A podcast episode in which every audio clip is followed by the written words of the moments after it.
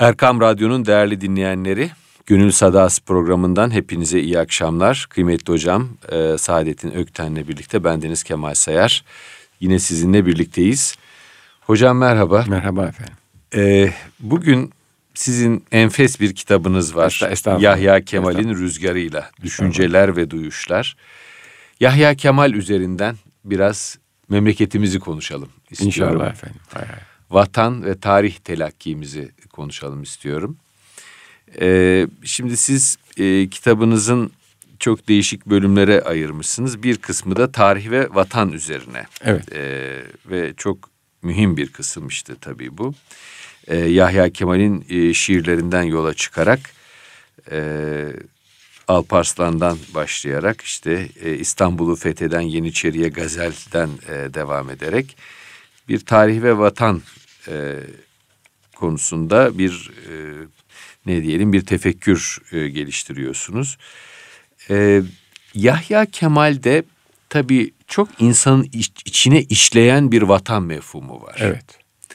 E, bütün şiirlerinde e, böyle dinmek bilmez bir hasret gibi geliyor bana o böyle insanın içine işliyor ve insanı çok büyük bir toplamın e, bir parçası kılıyor ama o, o parçada da e, o vatan mündemiç. Evet. Şimdi bir bu kaos teorisiyle ilgili bir e, genel ifadede bulunur. Denir ki bütün kaotik yapıların en mikro yapısına gittiğiniz zaman yine o kaotik yapının tekrar ettiğini görürsünüz. Dolayısıyla yapı büyüdükçe aslında o küçük şeyi tekrar eder. Tekrar eder. Dolayısıyla aslında kaosta da bir düzen vardır, bir ahenk vardır. Kaos gibi görünen şeyde. Şimdi Yahya Kemal'in bana geçirdiği his şu. Aslında her Türk evladı, her Müslüman evladı vatanı e, bir mikrokozmos gibi, böyle bir zerre gibi kendi içinde taşıyor, yaşıyor ve e, biz hep beraber bir araya geldiğimiz zaman da e, o milli ruh dediğimiz, o millet olma ruhu dediğimiz şey teşekkül ediyor. Evet. E, ve bu bize sadece bugünün hediyesi değil, bu e, modern milliyetçi cereyanların Hayır, falan verdiği bir şey hiç değil. alakası yok. Asırlardan, Tabii, çok tabii, ötelerden tabii, gelen tabii, bir tabii, tabii. tarihsel şuur altı. Evet. E, evet, belki. evet, evet. Buradan ben giriş yapayım, siz lütfen devam edin hocam. Efendim şöyle, e, şimdi insan varoluşu bir takım değerlerle ortaya çıkıyor. Bu değerler soyut değerler. Ancak bunlar e, her e, değer insanın için insanın varoluşu için çok önemli. İnsan bunları kutsuyor, kutsal değerler bunlar. Bizdeki vatan mefhumu da işte buradan zuhur ediyor. Bu değerlerin özgürce yaşandığı, yaşatıldığı, eğitiminin verildiği e, bir coğrafyaya ihtiyaç var, bir mekana ihtiyaç var. E, bu değerlerin hepsine birden biz medeniyet tasavvuru adını veriyoruz. Ve bu medeniyet tasavvurunun da hemen adını koyalım. İslam medeniyet tasavvuru. E, biraz evvel içeride genç dostlarla konuşuyorduk. Yaşanmayan bir din olmaz. Yani siz eğer dini yaşanmayan bir düzleme hapsederseniz o kütüphane rafında kalır. Din yaşanmak içindir. Ben bunu biraz daha e, anlaşılır bir e, düzleme getirmeye çalışıyorum. Önce kendi açımdan dinler medeniyetlerin kurucu paradigmalarıdır. Yani e, bizim e, bu vatan dediğimiz Anadolu, vatan dediğimiz Rumeli, vatan dediğimiz bütün bölgeler İslam medeniyet paradigmasının rahatça yaşandığı, yaşatıldığı, eğitildiği, öğretildiği, devam ettirildiği yerlerdir. Böyle bir vatan mefhumundan yola çıkıyoruz. Bu vatan mefhumu e, bütün İslam dünyasında var. Tabii modernitede de var yani. Onun da kendine göre medeniyet değerleri var. Bizimkinin farkı ne? Bizimki vahye dayanan bir medeniyet tasavvuru, değerler sistemi. O değerler sistemi maddi hayata yansıyor.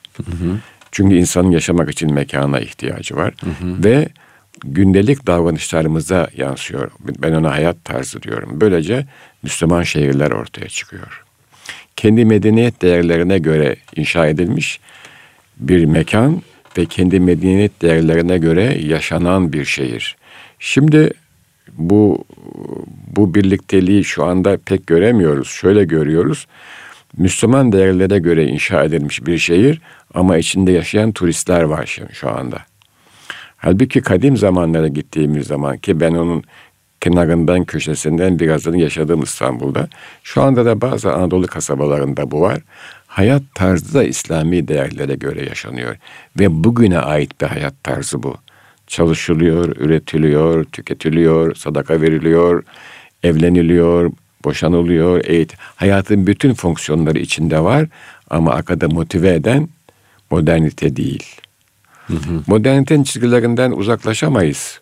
O bir realite. Ama onu mümkün mertebe ehlileştiriyoruz. Mümkün mertebe hayatın e, biraz dışında tutmaya çalışıyoruz şeklinde düşünmüş. Yahya Kemal Bey de tabii bu çok net. Çünkü kendisi çok ciddi bir travma yaşamış. Bu travmanın birinci perdesi şöyle. E, Üsküp'te doğuyor. Çok yerli ve köklü bir aile. Selanik'i biliyor. Selanik Üsküp'ün tersi bir memleket. Yani orada bir batı e, esprisi var. E, fakat o batı esprisi Osmanlı süzgecinden geçmiş bir batı esprisi. Bu noktada e, söz uzuyorsa lütfen şey yapın. lütfen hocam çok güzel gidiyor gayet. Şöyle bir şey mesela evet. bakın. Tevfik Fikret bana göre çok mühim bir figürdür. Bunu hı hı. bizim insanımızın iyi anlaması lazım. E, İslam münevverinin. Batıyı görmeden batıya hayran olan adam. Hı hı. Neden? Çünkü onun gördüğü batı Osmanlı süzgecinden geçmiş batı. Hı hı. Benzer olay Akif'te de vardır. Osmanlı süzgecinden geçiyor bu batı. Osmanlı süzüyor her şeye rağmen. Yani. Neticede birinci perde e, çok genç yaşında yani 18 yaşında batıya gidiyor. Hı hı. Ve orada 9 sene kalıyor. Yaşadığı bir büyük travma bu yani. Bir e, Rumeli Sünni Müslüman olarak doğuyor. Belli bir e, zaman Türkiye'de yaşıyor Osmanlı Memalikinde. Bir Batı hayranı olarak. Sonra reel Batı'yı tanıdığı zaman Paris'te bir Osmanlı hayranı olarak geri dönüyor. Bu birinci travma. İkinci travma döner dönmez 1912 baharında dönüyor. Sonbaharında Balkan Harbi çıkıyor. Ve o Balkan Harbi'nde kendi vatanından cüda kalıyor doğduğu topraklardan, kendi kimliğini inşa eden topraklardan. Hı hı. Detaylar e, kısmen hayatında var. Tabii şöyle e, Kemal Bey azizim, yani siz bir hadiseye baktığınız zaman o e, zihninizde bazı sorular varsa o sorulara karşı gelen cevapları hadisede görürsünüz. Bu sorular yoksa o hadiseyi alelade bir hadise olarak değerlendirirsiniz. Onun için bize büyüklerimiz tavsiye etmişlerdir ki belli kitapları, temel kitapları hayatın farklı ve safhalarında okuyun. Birincisi Kur'an-ı Kerim'dir bunlar da meal okuyun. Hı hı. Kendi başınıza. Bazı yerlerde takılırsanız bir üstada sorun. Farklı yaşlarda okuyun. Çünkü farklı yaşta o size farklı bir veçesini gösterir. Bunun gibi. Bu iki travmadan sonra ondaki vatan e, mefhumu tabii çok netleşti ve olayı e, işte e, Sultan Alparslan'dan yani Diyar Rum Osmanlı realitesinden itibaren aldı. Ama onun evveli de var. Yani Türklerde vatan mefhumu, İslam'da var çünkü vatan mefhumu. Vatan medeniyet tasavvurunun e, rahatça yaşandığı, kendini deklare ettiği, coğrafyayı inşa ettiği, insanı inşa ettiği ve bunu eğitimle, muhabbetle tekrarladığı mekandır. Vatan yeryüzünde belli bir coğrafya olabilir gibi olmadı, olabildiği gibi olmayabilir de. Siz kendi vatanınızı kendiniz inşa edersiniz. Bu belki önce küçücük bir odadır. Sonra belki bir evdir, sonra bir sokaktır, bir mahalledir, bir coğrafyadır ve belki de bir kıtadır yani. Bunu kimse bilemez. Ama siz varsanız kendi değerlerinizde kendi vatanınızı inşa ediyorsunuz. Yahya Kemal Bey'in e, gördüğüm kadarıyla bazı şiirlerindeki kompozisyon bunu söylüyor bize. Vatan evet. böyle bir yer. Kendimizi yaşadığımız, inandığımızı yaşayabildiğimiz, inşa edebildiğimiz, geliştirebildiğimiz yerdir diyor vatan için. Bir yandan da e, sanki vatan bizim ölülerimizle beraber yaşadığımız Tabii, yer. tabii. Yani nesiller belki yüzlerce nesilin Tabii. bir arada yaşadığı, nefes almaya devam ettiği bir Tabii. yer. Yani bizden evvel giden insanlarla Tabii. bizden sonra gelecek insanları e, bir, buluşturan bir e, kap gibi. Tabii. Bir e, ruhaniyeti var. E, bir e, kitapta okumuştum diyor ki e, Yahudinin yur, yurdu yoktur. Yahudinin yurdu Tevrat'tır. Evet. Şimdi ben onu bize uyarladığımız zaman şöyle diyesim geliyor kıymetli hocam. Ee, Anadolu Müslüman Türk'ün de yurdu e, ezanı şeriftir. Mesela. Evet. Dolayısıyla ezanın okunduğu yer aslında bizim yurdumuzdur. Tabii. Bosna da bizim yurdumuzdur. Tabii. Halep de bizim Aynen yurdumuzdur. öyle. Kahire de bizim yurdumuzdur. Şimdi buradan biraz Tabii. bir, bir cümle söyleyeyim fazla konuşmayacağım. Lütfen devam edin. Mesela şimdi niçin Avrupa'daki insanlar e, ezana karşılar minare istemiyorlar? Avrupalılar işte bunun için istemiyorlar. Çünkü yavaş yavaş siz orada kendinizi var ediyorsunuz. Şimdi ezan dışarıya olan bir deklarasyon. Neslin içi size ait. Ama ezan dışarıya bir e, talep, Ben dışarıya buradayım. bir, dışarıya bir ifade. Varım diyor. Evet. Kendimi değiştirmeden varım Evet. diyor. Ve malumunuz Osmanlı ananesinde bir kale fethedildiği zaman ilk yapılan şey fetih müjdesi gelince burslarda ezan okumaktır. İkinci yapılan şey kadı tayin etmektir. Hiçbir şey yapmıyorlar daha. Mesela fetih müjdesi geldi. Diyelim, diyelim ki Kanije fetholundu veya İstonya, Belgrad fetholundu. Evet. Gaza bitti yani anında ilk yapılan şey burslara çıkıyor yüksek güzel sesli efendim askerler, müezzinler. Çünkü orduyla beraber müezzinler de gidiyor. Ezan okuyorlar. Hemen kadı tayin ediyor. Niye? Hukuk. Sosyal düzen hemen giriyor devreye. Ganimet nasıl paylaşılacak, ne olacak, ne bitecek vesaire. Riayanın hakkı ne olacak filan diye. Çok enteresandır. Her te- tasavvur kendi e, hükmünü e, orada e, hemen e, ifşa ediyor, ifade ediyor. Evet. Önce ezan, Önce sonra ezan, hukuk. o, evet kadı. Yani devlet ben medeniyet olarak buradayım diyor yani. Medresesi, mektebi vesairesi imarete sonra geliyor. Önce ezan, sonra hukuk. Kadı.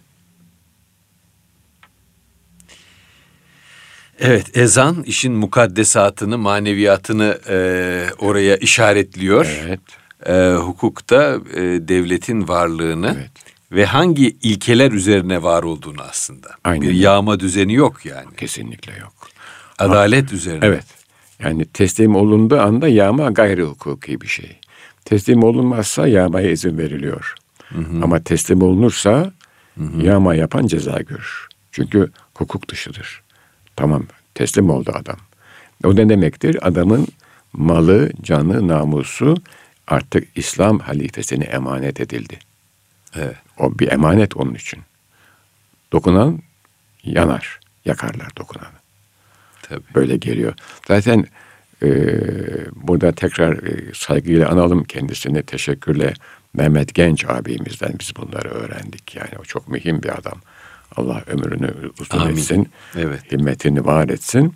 Yani o e, tetkikatı çok iyi yapmış bir kimse. Biz bütün bunları onlardan öğrendik. Yani e, Vediyatullah Allah'ın emaneti. O sayede diyor ki bütün Balkanlarda ve Orta Avrupa'da biz şimdi hep böyle Bosna'yı filan Bosna, Balkanlar, Bosna ve Orta Avrupa'da çok az bir kuvvetle uzun zaman kalmasının sebebi bu adalet anlayışı.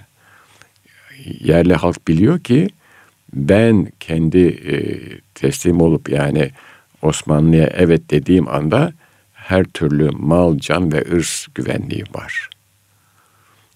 Tabii bunu tarım toplumunun koşullarında düşüneceğiz. Sanayi toplumunda bir başka tür insan çıkıyor. Farkı ne? Çok net ifade edeyim. Ben, bendeki his bu anda. Birisi mütevekkil. Çünkü tarımla uğraşırsanız tevekkül sizin ayrılmaz parçanızdır. Hangi dinden olursanız olun. Ama sanayiye geçtiğiniz anda sanayi mantalitesi ve psikoloji size haris yapar. Şimdi İslam toplumunun sıkıntısı sanayiye geçti. İnsan tipinin problemleri çıktı. Onunla başa çıkamıyor. Çünkü o hırs var onda. Niye sana, tarım sizi mütevekkil yapar? Tabiata bağlısınız. Ha bana sorarsanız Cenab-ı Allah'ın takdirine bağlısınız ama hani rasyonel düşünelim tabiata bağlısınız. Verir veya vermez. Sanayide tabiata bağlı değilseniz zahiren tırnak içinde. O da sizin içinizdeki şeytanı dürtüklüyor. Size hayris yapıyor. Evet.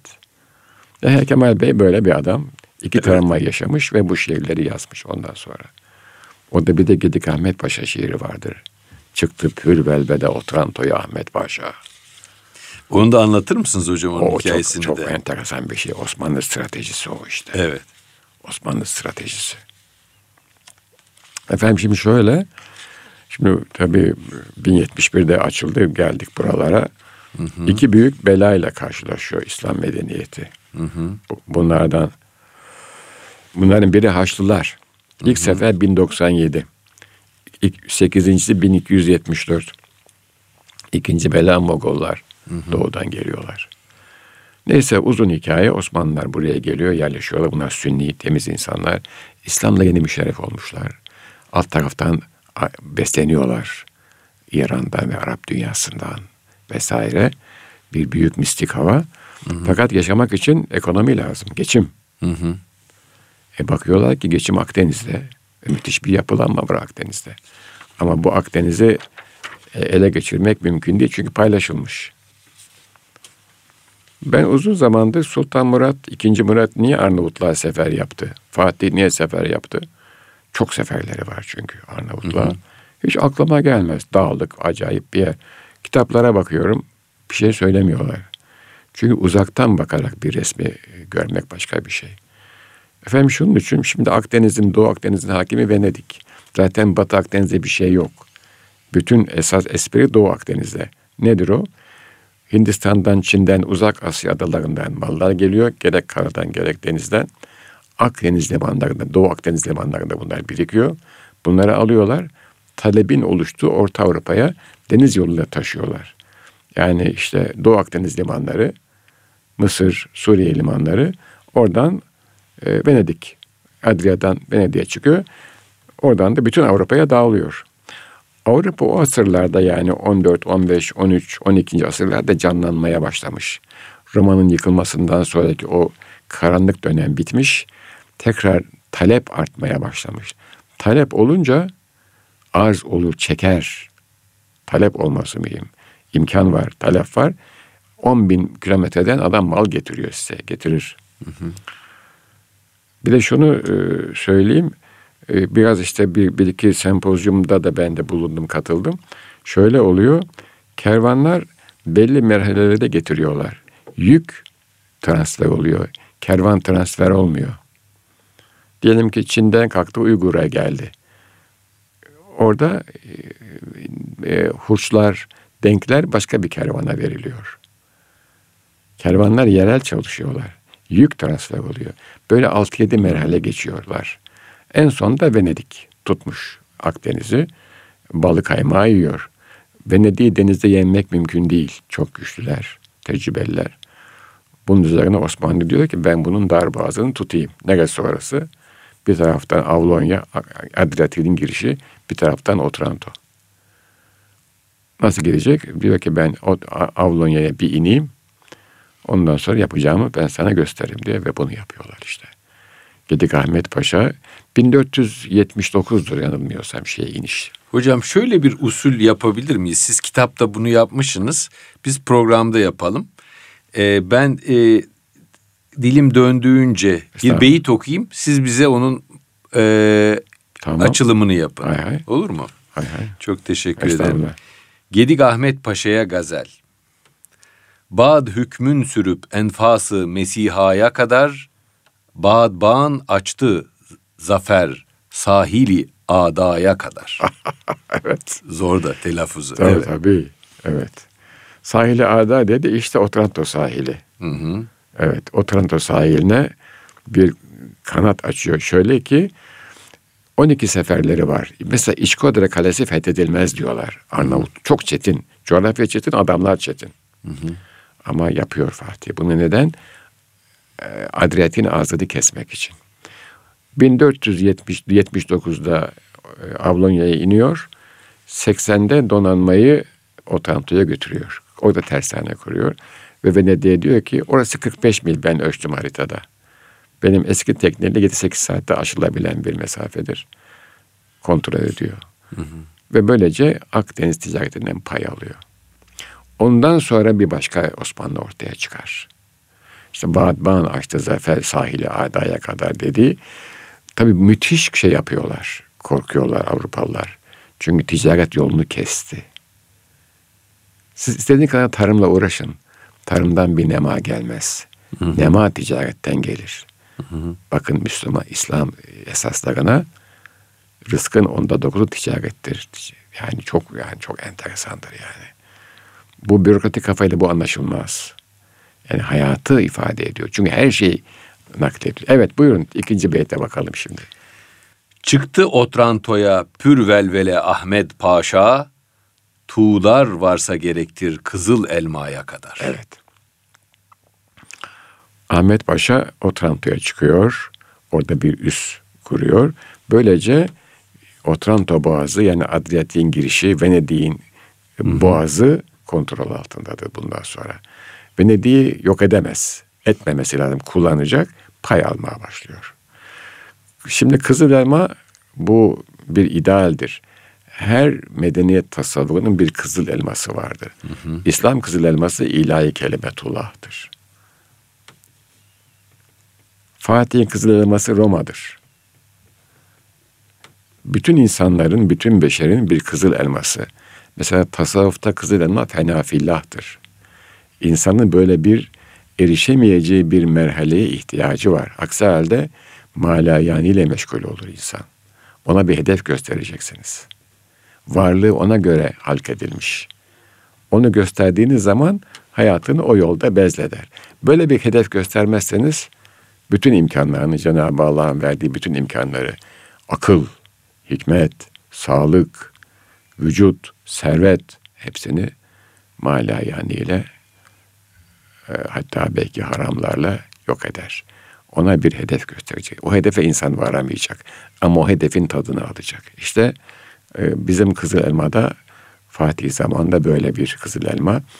Roma'yı alabilirdi çünkü şöyle bakıyor hadiseye Fatih Osmanlı anlayışı. Diyor ki Hazreti İsa hak peygamber. Ama bunlar saptılar. O hak peygamberin e, biz varisiyiz. Dolayısıyla onun merkezi de bizim elimizde olmalıdır ki tekrar o batılı hakka e, rücu ettirelim. Kızıl elması da bu.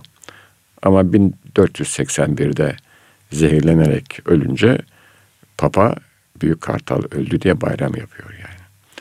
Dolayısıyla Otranto hadisesi bir fantazi değil, çok ciddi bir stratejik planın çok mühim bir parçası. Ama ve lakin başladığı hani tamamlanmadan yani hatta e, başarı göründü ama tamamlanmadan e, geri döndü. O da talihin veya kaderin veya takdirin bir cilvesi diyelim bize karşı. Çünkü 13 ay sonra oradaki garnizonu boşaltıp geri dönüyoruz. Çünkü taht kavgası başlıyor Bayezid Cem arasında. Sultan Bayezid farklı bir yapıya sahip Fatih gibi bir insan değil. Tekrar geri çekiliyoruz. Ee, şeyi bekliyoruz. Yavuz Sultan Selim bekliyoruz. Şarkı disipline etmesi için yani. Yavuz Sultan Selim bekliyoruz. Ehl Kemal hadiseye böyle bakıyor. Dolayısıyla bu Otranto ve e, Gedik Ahmet Paşa bir, birkaç beyit Devam daha kaldı. Lütfen, ben bitireyim lütfen, isterseniz lütfen, onun tabii, üzerinden. Yok, tek tek, tek, tek, tek, tek, mi tek, tek gidelim? Nasıl isterseniz size bağlı.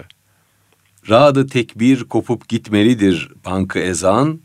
Dar küffarda meşhur Kenisa'ya kadar. İşte o tek papalık işte orası Vatikan'ı söylüyor. Tekbir sadası ve ezan sesi kopup gitmelidir diyor. Yani Fatih bunu istiyor. Ee, Vatikan'da ezan okunacak. Tasavvur buyurabiliyor musunuz yani? Vatikan'da e, ezan sesi ve tekbir yani. Ve bu mümkün. Çünkü o zaman bir İtalyan birliği yok, Avrupa birliği yok. Hı hı. Mesela Floransa çok çekti Venediklerden, Papadan. Hı hı. Mediciler, Osmanlılar gelsin diyorlar yani. Öyle mi? O tabii, dönem Mediciler tabii, tabii. istiyor mu? İstiyorlar tabii. Hatta Fatih'in hmm. resmini e, şey yapan, ihtiva eden e, e, madalyonlar yaptırıyorlar. Boyunlarına takıyorlar. Çünkü İtalya site devletler. Menfaat üzere kurulu hayat. E, Machiavelli boşuna çıkmıyor oralardan. Tabii. Nedir problem? E, Medicileri eziyorlar. E, Papalık ve Venedik. Onlar Fatih'ten medet umuyorlar. An meselesiydi. Kısmet olmamış yani. Muazzam bir şehir. Radet İki hafta önce oradaydım. Kongremiz vardı. Floransa. Floransa'da değil mi? Tabii. Yani Mediciler tabii mühürlerini vurmuşlar. Vurmuşlar tabii. Bu hep işte ticaret sayesinde oluyor. Evet. Akdeniz ticareti. Çok zenginleşiyorlar. Ve ve büyümek istemiyorlar. Site devlet kalalım diyorlar. Ta 1850'lere kadar. Çünkü iyi. İyi. Kimse bir şey yapmıyor. İyiler. Napolyon bir geliyor, esiyor gidiyor. E, o kadar. Neden? E çünkü para lazım. Fransa'nın nefesi bitti. Öyle yani vatan millet sakarayla işler yürümüyor. Mangır. Bektaş babası dermiş yani. Basıl diye bilmesem sana Allah diyeceğim dermiş yani. Basıl diye bilmesem. ya. Evet. Peki hocam şöyle bitirelim o zaman. Garkı nur olmalı imanı Muhammed'le Frank. Ya. Bu sefer Rim Papa'dan Hazreti, Hazreti İsa'ya kadar. kadar. Hazreti İsa'ya kadar. Evet. Orası yok. Neden? Çünkü Cenab-ı İsa'dan sonra ne olduğunu bilmiyoruz. Tarifat başladı. Hmm. Rim Papa dedi Papa. Evet. Garkunu Romalı imanı Muhammed'le filan. Tevhidi söylüyor burada Hazreti evet. yani. İmanı Muhammed'i tevhid testisi bırakın diyor. Ama tabii şair olduğu için hı hı. E, mestur söyler bu işleri yani. Zahir söylemez. Mestur söyler. Garkı nur olmalı imanı Muhammed'le frenk. Bu sefer Rim Papa'dan Hazreti İsa'ya kadar. Böyle. Yani aslında özü itibariyle e, tahrif edilmemiş din tabii, e, tabii. olarak Hristiyanlığın e, bizim tevhid tabii. inancımızın tabii. bir parçası olduğunu tabii, söylüyor aslında. Hiç şüphe yok. Evet. Tabii. Olsun ilham edenin ruhuna bir tuhfe kemal, şehber açsın bu gazel, cenneti alaya kadar. Burada da bir dua var yani. Evet. Bunu bana kim ilham ettiyse bilmiyoruz onu. Hı hı. Yalnız şöyle bir şey oldu. Bu geçtiğimiz Mart ayının sonunda e, Kocaeli Üniversitesi'de bir sempozyum yaptı. E, şey, e, Üsküp Rifai Dergahı Postneşiğini Saadettin Sırrı Efendi. Bu hazret bir Allah dostu. Hı hı. Ve Kemal gençliğinde onun tekkesine gidermiş. Oradan bir revnak almış Hazret yani. O belli bir şey. Ve o, tekkede zikrullah'a katılırmış, iştirak edermiş. Hatta ilahi yani e, zakirler arasında da yer alırmış. Falan. Oo. Evet. Bunu yani tespit etmişler. Şimdi yeni müdekkik e, genç arkadaşlar var. Eski şey kayıtları okuyorlar filan filan. Yani o bir revnak var zaten şeyde. E, Kemal'de. İşte burada da bir dua var yani. Bu, bu, bu, bu diyor şiiri bana birisi ilham etti diyor yani. Böyle ya Kemal böyle bir adam. Vatan. E, çünkü hı hı. insanın yaşamak için bir mekana ihtiyacı var. Ve bu mekanda kendi kurallarını kendi koyabilmeli. Medeniyet, tasavvur işte böyle bir şey. Kendi kurallarını koyar, kendi değerlerine göre yaşar ve bunu talim ve tedris eder. Gençliğimizde Türkiye'de bazı problemler vardı. Merhum Ali Fuat Başgil. Evet. Mühim bir adam. E, deniyorduk efendim camiler açık isteyen gitsin. Hayır diyordu Ali Fuat Bey. Çok iyi hatırlıyorum. Din hürriyeti demek e, neşir ve telkin, talim ve tedris hürriyetidir diyordu. Tabirler aynen böyle. Ne, Tekrar eder misiniz? Neşir lütfen? ve telkin. Neşir. Neşir ve telkin. Hı hı. Talim ve tedris hürriyetinde olması lazım diyordu. Talim ve, ve tedris. tedris. Evet. Tamam olması için din hürriyeti dediğimiz hadisenin hı hı. neşir ve telkin, talim ve tedris hürriyetinde olması lazım diyordu. Hocam bu çok mühim bir şey. E, çünkü günümüzde bu e, meşhur bir söz var ya öteki diye e, başka, öteki, benden farklı olan e, bununla olan mesafe e, üzerine bir sürü söylemler geliştiriliyor. İşte ben ve benden başkası üzerine e, olan ayrım üzerine sosyoloji kuramları geliştiriliyor. Moderniteyle beraber bence o ayrım giderek e, büyüyor, açılıyor. E, dindar insanların içinde de e, zaman zaman şöyle bir e, yanlışa düşüldüğünü ben şahsen naçizane e, görüyorum. Benden olmayan bana tabi olmalıdır. Benden olmayan benim gibi olmalıdır. Herkes benim gibi bilmelidir, benim gibi sevmelidir. Şimdi sizin bu verdiğiniz tanımda e, bununla e, çelişen bir şey var. Yani buna karşı çıkan bir şey var. Din hürriyetini insanların kendi e, fikriyatını öğrenebilme, Tabii. öğretebilme, evet. Yayabilme, evet. telkin edebilme hürriyeti olarak da evet. ele alıyor bu alıyor. şey. Evet. Dolayısıyla her insana kendi biricikliği içinde var olma evet. Evet. hakkını tanıyor. Evet.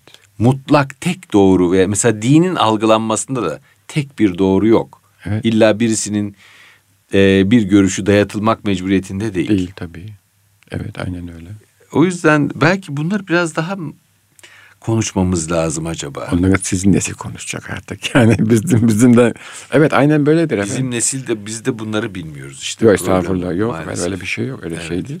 Şimdi efendim şöyle yani şimdi bunun uygulaması gayet net. Hı hı. Adam e, diyor ki senin siyasal üstünlüğünü kabul ettim. O zaman sen reayasın. Hı hı. Ve bu reaya olmak hasebiyle e, güvence altındasın, teminat altındasın ve kendi e, ikliminde e, kendi çocuğunu yetiştirebilirsin. Kilisen açıktır, çarşın açıktır, mektebin açıktır vesaire, cemaat teşkilatın açıktır. Ne yapmayacaksın? Bana ihanet etmeyeceksin. Hı hı. Basit. Peki insanoğlu edebilir. Bunu da kontrol ediyor. Şimdi bu tek tipleştirme hadisesi. Bu rasyonelitenin ortaya koyduğu bir hadise. Hı hı. Ama insan e, realitesine aykırı. Bu Avrupa'da başladı malumunuz.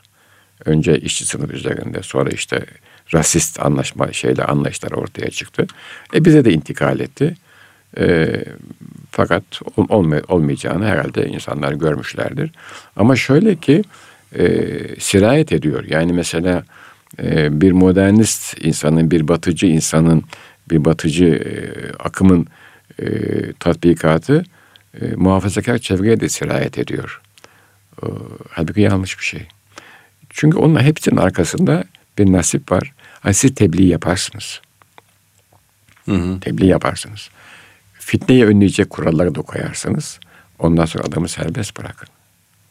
Çünkü e, o ayrı bir hadise. Nasip meselesi. E, davet Gel diyor. Adam gelmiyor. Yapacak bir şey yok. Size emanet. Dolayısıyla tabii bunlar hep e, toplumda gerginlik oluşturuyor. Ee, böyle bir resim. Ee, ama yani o e, yapı neşir ve telkin, talim ve tedris. Kendi dinini, töresini, kitabını, usulünü, adabını okutacak. Devam etmek istiyor adam çünkü yani. Batıl olabilir. Devam etmek istiyor. Bir de insan şunu düşünmeli. Ya ben öyle olsaydım. Ben bazı öyle insanlar e, duyduk gördük ki baştan hak diye başlıyor sonra batıla kayıyor. Ya bunu fark etmiyor. Kendini hala hak görüyor. Veya Ama, hak haktan kendine e, o kadar fazla bir nispet ediyor ki nispette bulunuyor ki evet. e, hakkı e, bu sefer sadece kendinden bilmeye başlıyor. Maalesef. İşte o nefis ucuk dediğimiz hadise yani. Kendi etrafında kümeleşen, kendine bir koza öğren, merkezinde ben olan bir hadise. Dolayısıyla e, böyle bir resim. Osmanlı vatanı böyle bir vatan işte. Herkese hayat hakkı var. Herkese hayat hakkı evet. E, olduğu için de payidar olmuş. Tabii. Evet. Hocam güç öyle bir şey ki insana emanet edilen bir şey. Aynen öyle. Ve e, bugün mesela bazı psikoloji, sosyal psikoloji çalışmaları var. İnsanlar gücü kendilerini iyi temsil edeceğini ve kendi güçlerini taşıyacaklarını dağıt, e, daha adaletli bir şekilde topluma yayacaklarını düşündükleri insanlara emanet ediyorlar. Yani insan e, toplumsal bir varlık diyoruz. E, eğer o güç zorlan, şerlen, gasp edilmemişse, insanların iradesine bırakılmışsa 10 kişi bir araya geldiği zaman içlerinde en adaletliyi seçme eğiliminde oluyor. Yani bize hı hı. E, bu gücü geri kim dağıtacak? En Tabii. iyi şekilde kim bize yarar olarak, fayda olarak döndürecek? Evet. Onu seçiyor. Evet. Eğer e, o kişi bir süre sonra içinden geldiği toplumun e, isteklerine, arzularına, heveslerine yabancılaşır da sadece kendi çıkarı için çalışmaya başlarsa, o toplumun adaletini gözetmezse, o toplumun eşitliğini gözetmezse insanlar o gücü ondan alıyorlar bir başkasına evet. veriyorlar. Hiç kimse ila nihaye e, hükümdar olamıyor. Dünyanın kuralı bu zaten. Tabii. E, dolayısıyla bir imparatorluk, bir devlet ne kadar adaletliyse o kadar baki oluyor. Aynen öyle. Ee, Osmanlı'da da bunu e, görebiliyoruz. Son olarak programımızın e, hitamında şu Kızıl Elma'yı biraz daha konuşabilir miyiz hocam? Şimdi sizin kitabınızda e, ben Fatih'ten bir alıntı yapayım. İşte e, İstanbul'un fethinden sonra diyor ki bu parlak zafere nail olduğum için Allah'a hamd ediyorum. Fakat şuna da dua ediyorum ki Cenab-ı Hak Hristiyanlığın makarrı olan eski Roma'nın fethini de bana nasip eylesin. İşte o zaman mesud ölürüm. Ee, ona nispet edilen bir söz. Ee, yine Yeniçerilerin ve halkın dilinde ehli İslam kızıl elmaya değin fethedecektir sözü var. Evet. Hiç ölmeyen bir ideal var. Kızıl elma. Evet. evet. İlahi kelime, kelime Ömer Seyfettin'in de Hepsinde. hikayelerinde evet, geçer. Evet. Yani çok heyecan verici evet. bir şey tabii yani. Ee, ilahi kelimetullah. Evet. Allah'ın sözünü yüceltmek. Yüceltmek ve bütün dünyaya tebliğ etmek, yaymak. Dünyaya tebliğ etmek. Yaymak. Bu askeri de olabiliyor, ticari de olabiliyor, siyasi de olabiliyor. Evet. Hiç garip bir derviş gidiyor, bir memlekete yerleşiyor, mukim oluyor hizmet etmeye başla böyle de oluyor. Yani illa bunu işte elinde kılıç, pala, top, tüfek böyle düşünmeyin. Bunlar hepsi var. Gidersiniz bir, bir diplomatik misyon kurarsınız. Orada farklı bir renkte davranmaya başlarsınız. En basiti fakir fıkaranın gönlünü alırsınız. Tebessüm edersiniz. Selam verirsiniz. imkan varsa sadaka verirsiniz. Bu da bir ilahi kelimetullah'tır. Niye bunu yapıyorsunuz? Çünkü o da Allah'ın kuludur. Kendi bilmeyebilir onu ama siz biliyorsunuz ya. Bu çok mühim bir şey yani. Ve, ar- ve ayırmazsınız. Anadolu'ya ilk gelen e, bu Ömer Lütfü Bey'in çok mühim bir makalesidir. E, kolonizatör dervişler, kolonizatör maka- dervişler. O çok 43'te yayınlanmıştır o makale. Anadolu'yu nasıl hı hı. dönüştürdüler bir İslam yurduna. Böyle dönüştürdüler. Hizmet ederek dönüştürdüler. Çünkü biliyorlardı ki Anadolu halkı burada Mogollar var, yerli Rumlar var, şunlar var, bunlar var. Biliyorlardı ki bunların hepsi Allah'ın kuludur. Onlar vazifelendirilmişlerdi. Geldiler, ribatları kurdular, hizmet ettiler. Aç kalmadılar, açıkta kalmadılar. Zengin de olmadılar ama dönüştürdüler. Bunu modernite yapamaz. Hep ben derseniz bunu yapamazsınız. Firavun mantığıyla bu olmaz. Bu hizmet mantığıyla olur. Dolayısıyla ilahi kelimetullah Cenab-ı Allah'ın kitabını, adını, arzını, emrini, sünnetullah, sünnet-i Resulullah'ı insanlara tebliğ etmektir. Bu ilimle de olur, irfanla da olur, hizmetle de olur, tebessümle de olur, ticaretle, evleviyetle olur. En basiti dersiniz ki ee, efendim kaç para bu? Şu kadar lira. Şu kadar olmaz mı? Hadi olsun vereyim olsun dersiniz. Ama süpermarkete gittiğiniz zaman bir kuruş eksik varsa kasiyer sizden o malı e, satmaz size. Çok lojik değil mi bu? Üzerine ne yazıyor?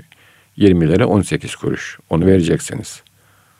Ama Hacı Baba'ya giderseniz Hacı Baba 18 lira var. Hadi be evladım sen 25 liralık ayakkabı al git veya neyse çorabı neyse al git der yani. İşte bu gayet basit. Bunu yaparken Yani bu çocuğun da gönlü hoş olsun, bu garibin de gönlü hoş olsun dediği anda bu işte ilahi kelimetullah'tır. Niye? İnsanlara merhametle yaklaşmaktır. Merhamet kanatlarını indirmektir insanların üzerine. Kibirle bakmamaktır insanlara. Hiç unutmamalıdır ki insan kendisinde anında o mertebe, o e, hale düşebilir. Allah düşürebilir. Ne ilmine, ne hikmetine, ne parasına, ne masabına güvenmemelidir. Osmanlı bunu yaptığı için siyaseten bunu yaptığı için sevildi. Bunu yaptığı için sevildi, seviliyor, hala seviliyor. Siyaseten, iktisaden mağlup oldu. Dünya Allah verir de alır da. Ama muhabbeti kimse alamıyor. Küçük bir anekdotla bitirelim isterseniz. hocam. Sene 2008 Amerika'dayız. Dünya Kupası'nın bir maç hı hı. oynanıyor. Hı hı. Tabii oradaki e, Türk çocukları da bunu merak ediyorlar. E, Türk takımı bir şey yaptı, bir başarı kazandı. Türk takımı üçüncü oldu hocam. Ha neyse evet, işte. Dünya Kupası'nda. Senegal'den evet. Çin'e kadar şeyden takip ediyor internetten evet. e, şey oldu. Dünyada bir yankı uyandırdı. Dedim ki hiç sevinmeyin. Bu Türk takımının tabii ki başarısı ama o takımı Senegal'den Çin'e kadar Müslümanlar Osmanlı'ya refere ediyorlar. Ve hususen Sultanahmet'e refere ediyorlar. Niye? Çünkü merhametle baktı. Hüzünle baktı. insan olarak baktı. Şimdi aynı şeyler oluyor. Zaten modernitenin sıkıntısı o. Onun çizdiği resim yırtılıyor, altından gerçek çıkıyor. Kağıt üzerinden çizmişti afiş, o yırtılıyor şimdi. Yama tutmuyor, sıkıntı oradan geliyor. Tabii. Yani bugün e, Türkiye 3 milyon e, göçmene ev sahipliği yapıyor. E, fakat bir Fransa e, 20 bin göçmeni Yapama, kabul etmekte ve, zorlanıyor. Ve kalitesini almak ister. Bir, Allah Tanrı misafir ediyoruz. Allah bizi vatanımızdan cüda etmesin diyoruz. Aç mı kaldık? 3 milyon geldi. Açıkta mı kaldık? Tabii. Neyimiz eksik? Allah verirse olur. Allah önce insanlara gönül zenginliği versin inşallah. Hocam 3 milyon e, mültecinin, göçmenin e, bir Avrupa ülkesine girip de orada büyük hadiseler olmamasını ben tahayyül edemiyorum. Mümkün değil. Irkçılar çıkar bir taraftan, tabii. işte çapulcuları çıkar bir taraftan. Tabii, tabii. Bu toplum e, hakikaten e, misafir kardeşlerini güzelce bağrına bastı. Evet. Yani münferit olaylar oluyor ama olur her yerde olur. bir şey. Tabii. Türkiye'de onlar yokken de oluyordu. Yine olur yani. Onlar ayrı bir hadise yani. O İbrahim'i muhabbet ayrı bir. Şey. Cenab-ı İbrahim misafir. Efendimiz öyle tabii yani misafir olmadan sofraya oturmazmış yani misafir. Allah yolluyor ve bizi imtihan ediyor. Misafir olmadan sofraya oturmazlar. Evet. Bizi Allah bizi imtihan ediyor yani. Ey evet. kulum bu kadar nimet verdim size diyor. Evet. Yediğimiz önüm yemediğimiz arkamızda. Değil mi ya? Şu hale bakın yani elhamdülillah yani. Ya hocam bunlar ne kadar ayrı varoluşlar. Yani misafir olmadan sofraya oturmamak ile ama misafir gelmesin diye bakış hayata. Ee, yani bu e, hepimiz aslında çok enteresan bir şekilde modernliğin e, bilinciyle malulüz yani. E ne yapalım bu da böyle yani bu çağın şeyde bu. Bu çağın hastalığı evet. da bu. Çok teşekkür ederim hocam. Dilinize sağlık. Rica ederim estağfurullah.